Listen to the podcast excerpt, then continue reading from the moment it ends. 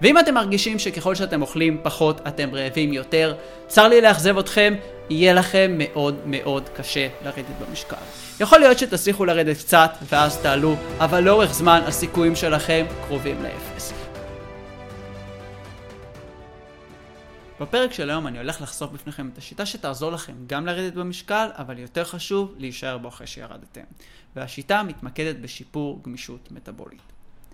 בפרק הראשון דיברנו מה זה גמישות מטבולית ומה החשיבות שלה לירידה במשקל, ובפרק הזה נרחיב על המושג גמישות מטבולית, נכיר אותה משלושה רבדים שונים, ומשם נדבר על שלושת הכלים העוצמתיים ביותר לאיך אפשר לשפר אותה. אז ברוכים הבאים לפרק השני בפודקאסט יולי הפודקאסט שבו תקבלו כלים על איך להיות הגרסה הטובה ביותר שאתם יכולים מבחינת הבריאות, המשקל והמטרות שאתם רוצים להשיג.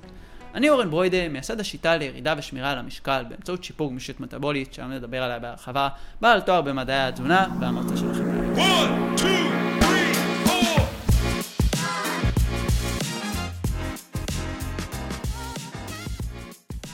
טוב, אז כדי שנבין מה זה גמישות מטאבולית, אני אקריא לכם עכשיו את ההגדרה המדעית, ואני רק מבקש, אל תברחו ישר אחרי, אני אחר כך אקריא אותה שוב, לאט ועם תרגום. אז גמישות מטאבולית זה היכולת של האורגניזם להתאים את חילוף החומרים למקורות אנרגיה שונים בהתאם לתנאי סביבה משתנים. לא אמר לכם כלום, אבל בואו עוד פעם לאט עם תרגום. היכולת של האורגניזם, אנחנו אורגניזם, נעים להכיר, להתאים את חילוף החומרים למקורות אנרגיה שונים. מקורות אנרגיה שונים זה בעיקר פחמימה ושומן, יש קצת חלבון, אבל זה זניח. בהתאם לתנאי סביבה משתנים. מה יכול להשתנות בסביבה? בעיקר הדרישה לאנרגיה. לצורך העניין, בפעילות גופנית אנחנו צריכים יותר אנרגיה, או שיש לנו חוסר מזון, זאת אומרת אין אוכל בסביבה, או שיש לנו עודף מזון, הרבה אוכל. אז בואו נחלק את ההגדרה של גמישות מטבולית לשלושה רבדים. הראשון זה היכולת לעבור מניצול פחמימה לניצול שומן, והפוך, משומן לפחמימה. השני זה היכולת לשמר רמות אנרגיה יציבות עם עודף מזון או עם חוסר מזון. לדוגמה בעבר היה תקופות שבהם היה הרבה מזון, היה פירות, היה דגנים והיה תקופות של בצורת. היום תמיד יש הרבה מזון אבל לצורך הדוגמה חתונות, אירועים, חגים, לעומת יום כיפור. הרובד השלישי זה פעילות גופנית. בפעילות גופנית הדרישה לאנרגיה עולה, והגוף בתגובה צריך למצוא דרך לספק אותה. לדוגמה, עכשיו שאני יושב ומקליט לכם את הפודקאסט בסבבה, אני צורך 10 יחידות אנרגיה לשנייה. אם אני אצא לריצה קלה בחוץ, אני אצרוך 30 יחידות. כלומר, יש לי 20 יחידות פער בין ה-10 ל-30 שהגוף צריך להשלים, והוא צריך לעשות את זה מהר, כדי שאני אוכל להשלים את הריצה.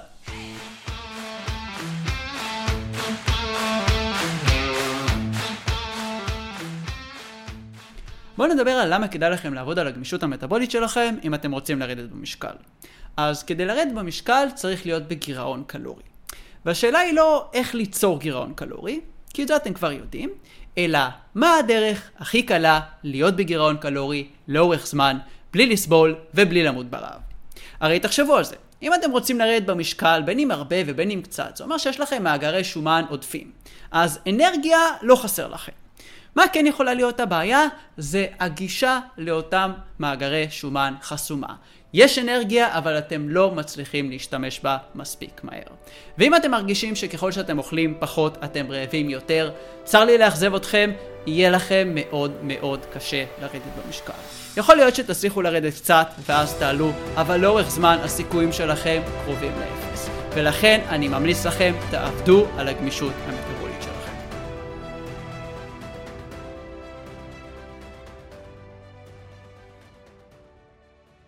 אז אם הדברים שדיברנו עד עכשיו מוכרים ונמאס לכם כל פעם להיות בגירעון קלורי, לסבול, לא להצליח, עוד פעם להיות בגירעון קלורי ועוד פעם לא להצליח, אתם חייבים לשנות אסטרטגיה. תפסיקו להיות בגירעון קלורי ותעשו את הדבר הבא. קודם תעבדו על הגמישות המטבולית שלכם ורק אחר כך גירעון קלורי. אלא אם אתם רוצים להישאר עם אותן תוצאות של עוד פעם גירעון קלורי ועוד פעם לא להצליח. אתם יכולים לבחור שתי אפשרויות, או לקחת את הדברים שאני אומר וליישם אותם, זה אומר ליישם את שלושת הכלים שאני הולך לדבר ממש עוד מעט, או להמשיך באותה אסטרטגיה שלא עבדה לכם מקודם. הבחירה בידיים שלכם. אז למי שבחר באפשרות השנייה, תודה רבה על ההקשבה, היה נעים להכיר, ושיהיה הרבה בהצלחה בניסיונות הכושלים לרדת במשקל, רק עם גירעון קלורי. ואחרי שאתם עושים כמה לופים ומתייאשים, תחזרו לפרק השני. ואם בחרתם באפשרות הראשונה, אז בואו נדבר על שלושת הכלים העוצמתיים ביותר לשיפור גמישות מטבולית. הראשון זה פעילות גופנית, השני זה צום לסירוגין, והשלישי זה תזונה דלת פחמימות.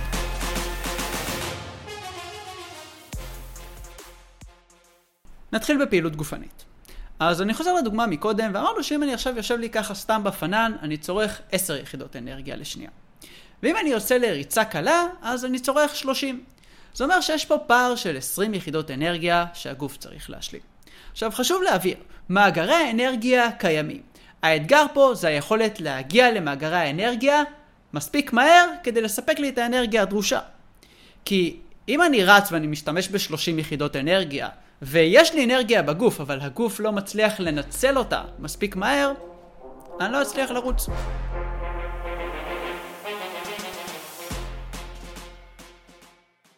אז בואו נדבר על איך בכלל הגוף מפיק אנרגיה. הדבר הראשון שאנחנו צריכים זה דלק. זה יכול להיות מהארוחה שאכלנו, ואם לא אכלנו כלום, אז זה יהיה מהמאגרים שלנו, ממאגרי השומן והפחמימה. אותו דלק נוסע בזרם הדם, והוא מגיע לתוך השרירים, ובתוך השרירים הוא נכנס לעברון שנקרא מיטוכונדריה. שם קורה חילוף החומרים או שריפת הקלוריות. אז דלק יש לי. אמרנו האתגר בזמן נתון. כי התהליך צריך לקרות מהר. אז בואו נבין איך זה קורה, או במילים אחרות, איך פעילות גופנית מסוג אירובי עוזרת לנו לשפר גמישות מטבולית. אז אחרי שסיימתי את הריצה, הגוף מבין שוואלה, יש פה אתגר. יש פה איזושהי דרישה לספק כמות אנרגיה בזמן קצר שהוא לא רגיל. וכמו שאתם יודעים, המטרה של הגוף זה לעזור לנו לשרוד. וכדי לעשות את זה, הגוף אומר לעצמו, הוא אומר לעצמו בגוף שני, אתה חייב להכין את עצמך ולהתכונן לאירוע הבא מהסוג הזה. אז איך הוא עושה את זה? תזכורת, אמרנו שיש לנו את הדלק, שזה יכול להיות פחמימה או שומן, אמרנו שיש לנו את המיטוכונדריות, שזה בית החרושת לאנרגיה, ויש לנו את האנזימים המחמצנים, והשווינו אותם לדרדסים קטנים וחמודים שעוזרים לנו לזרז את התהליך. אז אפשרות הראשונה זה להגדיל את מספר המיטוכונדריות. זאת אומרת שאם יש לי 100 מיטוכונדריות, ואני עכשיו רוצה לייצר יותר אנרגיה בזמן נתון, אז אם יהיה לי 110 מיטוכונדריות, יהיה לי יותר בתי חרושת, אני אוכל באותו זמן להפיק יותר אנרגיה. האפשרות השנייה זה להגדיל את מספר האנזימים המחמצנים. תחשבו על זה אם יש לנו הרבה אנזימים מחמצנים, או הרבה דרדסים קטנים וחמודים שעוזרים לזרז את התהליך. אז התהליך פשוט יהיה יותר מהר. אז אם היה לנו אלף דרדסים חמודים, אז עכשיו יהיה לנו אלף חמישים. וככל שיהיה לי יותר דרדסים כאלה, אני אוכל לזרז את התהליך ולהפיק יותר אנרגיה באותו זמן. דרך נוספת זה על ידי תהליך שנקרא קפילריזציה. קפילרות בעברית נימים, למי שלא יודע, זה כלי דם ממש ממש קטנים, שהם מעבירים את הדלק שאכלנו, את אותם פחמימה או שומן, אל תוך בית החרושת, אל תוך המיטוכונדריות.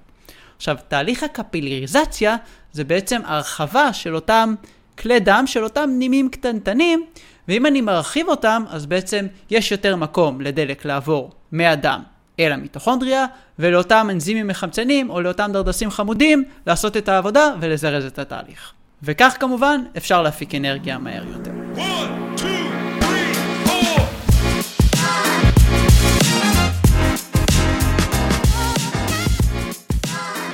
טוב, אז בואו נדבר על הכלי השני לשיפור גמישות מטבולית, והכלי הזה נקרא צום לסירוגין.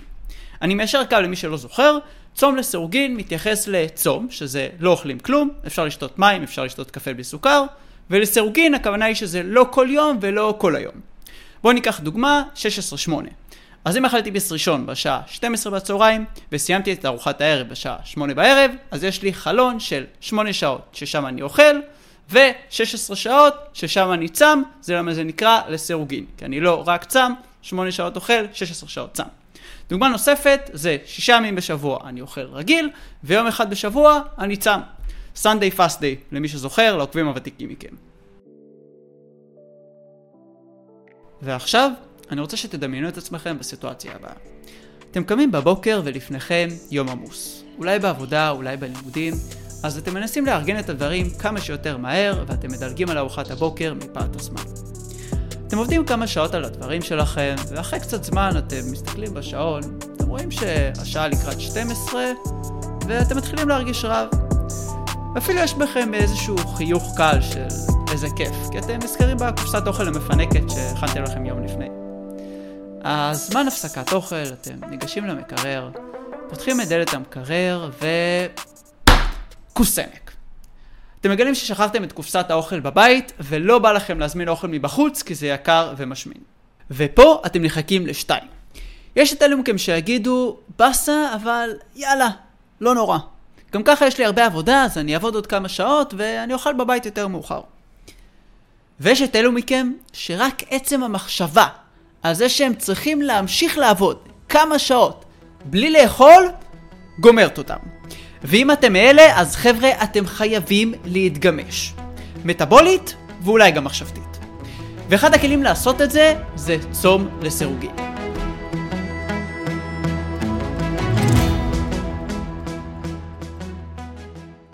אז בואו נדבר איך צום לסירוגין יעזור לנו לשפר גמישות מטאבולית. והאמת שזה די פשוט. לגוף יש שני מקורות שמהם הוא יכול להפיק אנרגיה. הראשון זה האוכל שאנחנו אוכלים, והשני זה המאגרים הפנימיים של עצמו. עכשיו, מה הקטע בצום לסירוגין? אנחנו מנטרלים את המאגר הראשון, כלומר, אנחנו לא אוכלים שום דבר, ולגוף אין ברירה, אלא ללמוד לעבוד עם המאגרים הפנימיים של עצמו. עכשיו, ככל שנתרגל את זה שוב ושוב, כלומר, ככל שנצום יותר זמן, או ככל שנתרגל צום לסירוגין לתקופה ממושכת יותר, אנחנו נלמד את הגוף לגשת למאגרים הפנימיים שלו בצורה טובה יותר, ואנחנו נצליח לשמור על רמות אנרגיה יציבות, גם אם לא אכלנו שום דבר. ואז אם אני חוזר לסיטואציה שאתם נמצאים ב-12 בצהריים, בלי שאכלתם שום דבר, ומשום מה אין לכם אפשרות לאכול ארוחת צהריים, הכל בסדר.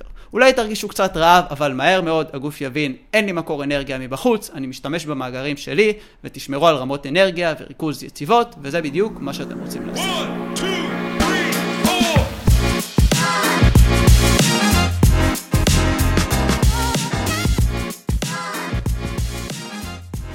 טוב, אז בואו נדבר על הכלי השלישי והאחרון לפרק הזה, לשיפור גמישות מטאבולית. חלקכם תאהבו אותו יותר ותגידו בואנה זה ממש פשוט, וחלקכם תתחברו פחות, אבל הכלי הזה נקרא תזונה דלת פחמימות. פחמימות, למי שלא מכיר או לא זוכר, אז יש לנו פסטה, אורז, תפוחי אדמה, דגנים, שורשים ופירות. תזונה דלה בפחמימות זה תזונה שמכילה פחות מכל הדברים שאמרתי עד עכשיו.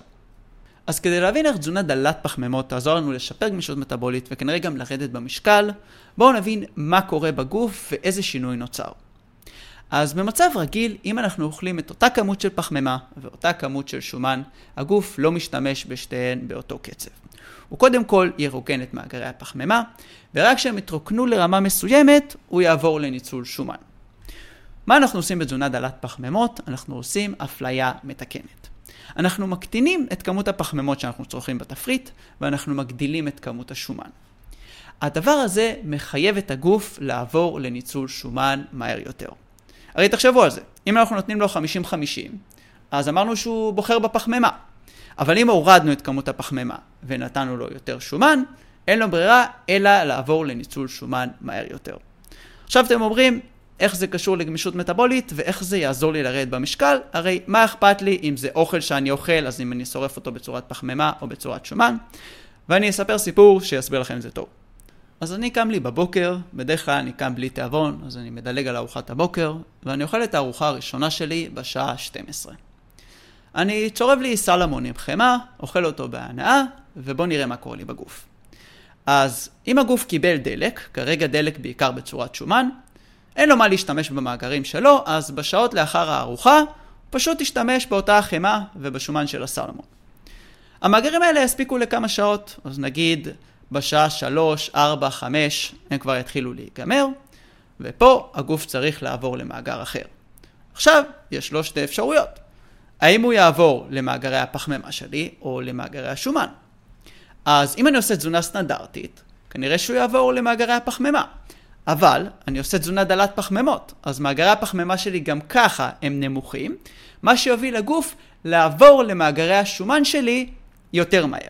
עכשיו, ככל שנתרגל תזונה דלת פחמימות ליותר זמן, או ככל שנפחית את כמות הפחמימות שאנחנו אוכלים בתפריט, המעבר הזה מניצול השומן שאכלנו, כלומר מהשומן של הסלמון לשומן של הגוף שלי, יקרה יותר מהר. עכשיו, אם אנחנו רוצים לרדת במשקל, כדאי לנו לוודא שהגוף יודע לגשת למאגרי השומן מהר ובצורה קלילה. למה קלילה? כי לא בא לנו לסבול. דיברנו על זה. להיות בגירעון קלורי זה ממש פשוט, כולכם יודעים את זה, אבל אם אנחנו רק בגירעון קלורי ואנחנו סובלים, זה מאוד קשה. ככל שהגוף ידע לעבור מהשומן של המזון לשומן של עצמנו בצורה קלה יותר, בצורה כזאת שפשוט נוכל להרגיש טוב, להמשיך במה שאנחנו עושים, לעבוד או להיות מרוכזים, יהיה לנו יותר קל לרדת במשקל, והמעבר הזה וההספק של גמישות מטבולית, אותו דבר שדיברנו על המעבר מניצול השומן של המזון לניצול השומן שלנו, יקרה יותר טוב.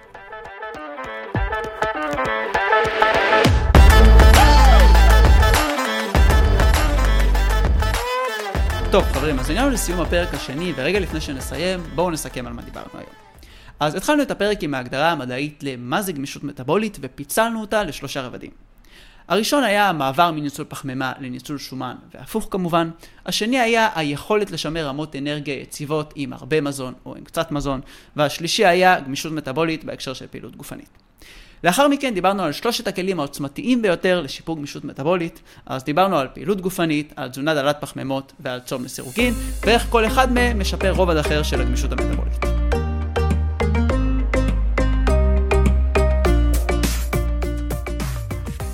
אז אחרי שהבנו מה זה גמישות מטבולית וגם למדנו איך אפשר לשפר אותה, אז בפרק הבא נדבר על איך אפשר למדוד גמישות מטבולית. נדבר על מדדים ובדיקות שתוכלו לעשות כדי לדעת האם אתם גמישים מטאבולית או לא וכמה. כי ברגע שתדעו איפה אתם עומדים עכשיו, יהיה לכם קל יותר להבין מה צריך לעשות כדי להשתפר. בבונוס, הכנתי לכם הפתעה ממש מיוחדת, מתנה ממני, שתחכה לכם בסוף. תודה רבה שנשארתם והקשבתם עד עכשיו, אני מקווה שהיה לכם מעניין, שקיבלתם ערך ושלמדתם משהו חדש. אם יש לכם עוד שאלות על הפרק, אתם מוזמנים לחפש אותי ברשתות החברתיות בשם שלי אורן ברוידה בעברית או אורן בראודה באנגלית, ואם איכשהו קרה ואתם לא מוצאים, אז לכו ל-ICQ, תרשמו תימני קטלני, אני אחכה לכם שם. תהיו לי בריאים.